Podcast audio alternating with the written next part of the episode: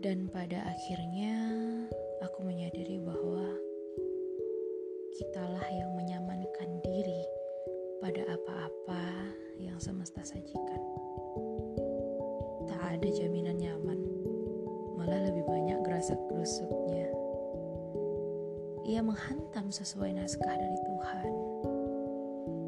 Pelajaran tentang berbagai ilmu hidup, mulai dari terpaksa ditenggelamkan, juga tentang bagaimana untuk tidak berhenti di saat tak ada lagi energi untuk sedikit saja bergerak dari titik terakhir. Ternyata hidup itu memang tentang seni bertahan. Ternyata hidup itu adalah tentang melakukan yang terbaik pada setiap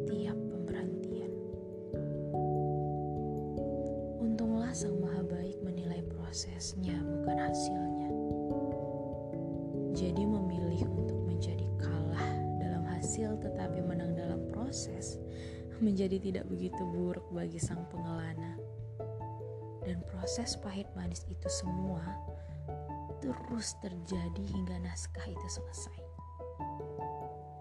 Barangkali tinta pena itu telah habis, atau buku jatahnya sudah pada lembar terakhir. Hanya sang penulis terbaik itu yang berhak dan tahu apa ending ceritanya. Tidak ada trailer, apalagi spoiler. Yang jelas, bagaimanapun endingnya, entah si tokoh utama itu bahagia atau malah berduka, aku berharap helaan nafas dan kedipan mata terakhir miliknya ditutup dengan nyaman. Sebab jiwa-jiwa yang lelah bertahan pada sisi kanan pantas mendapatkan kedamaian yang abadi untuk akhir ceritanya.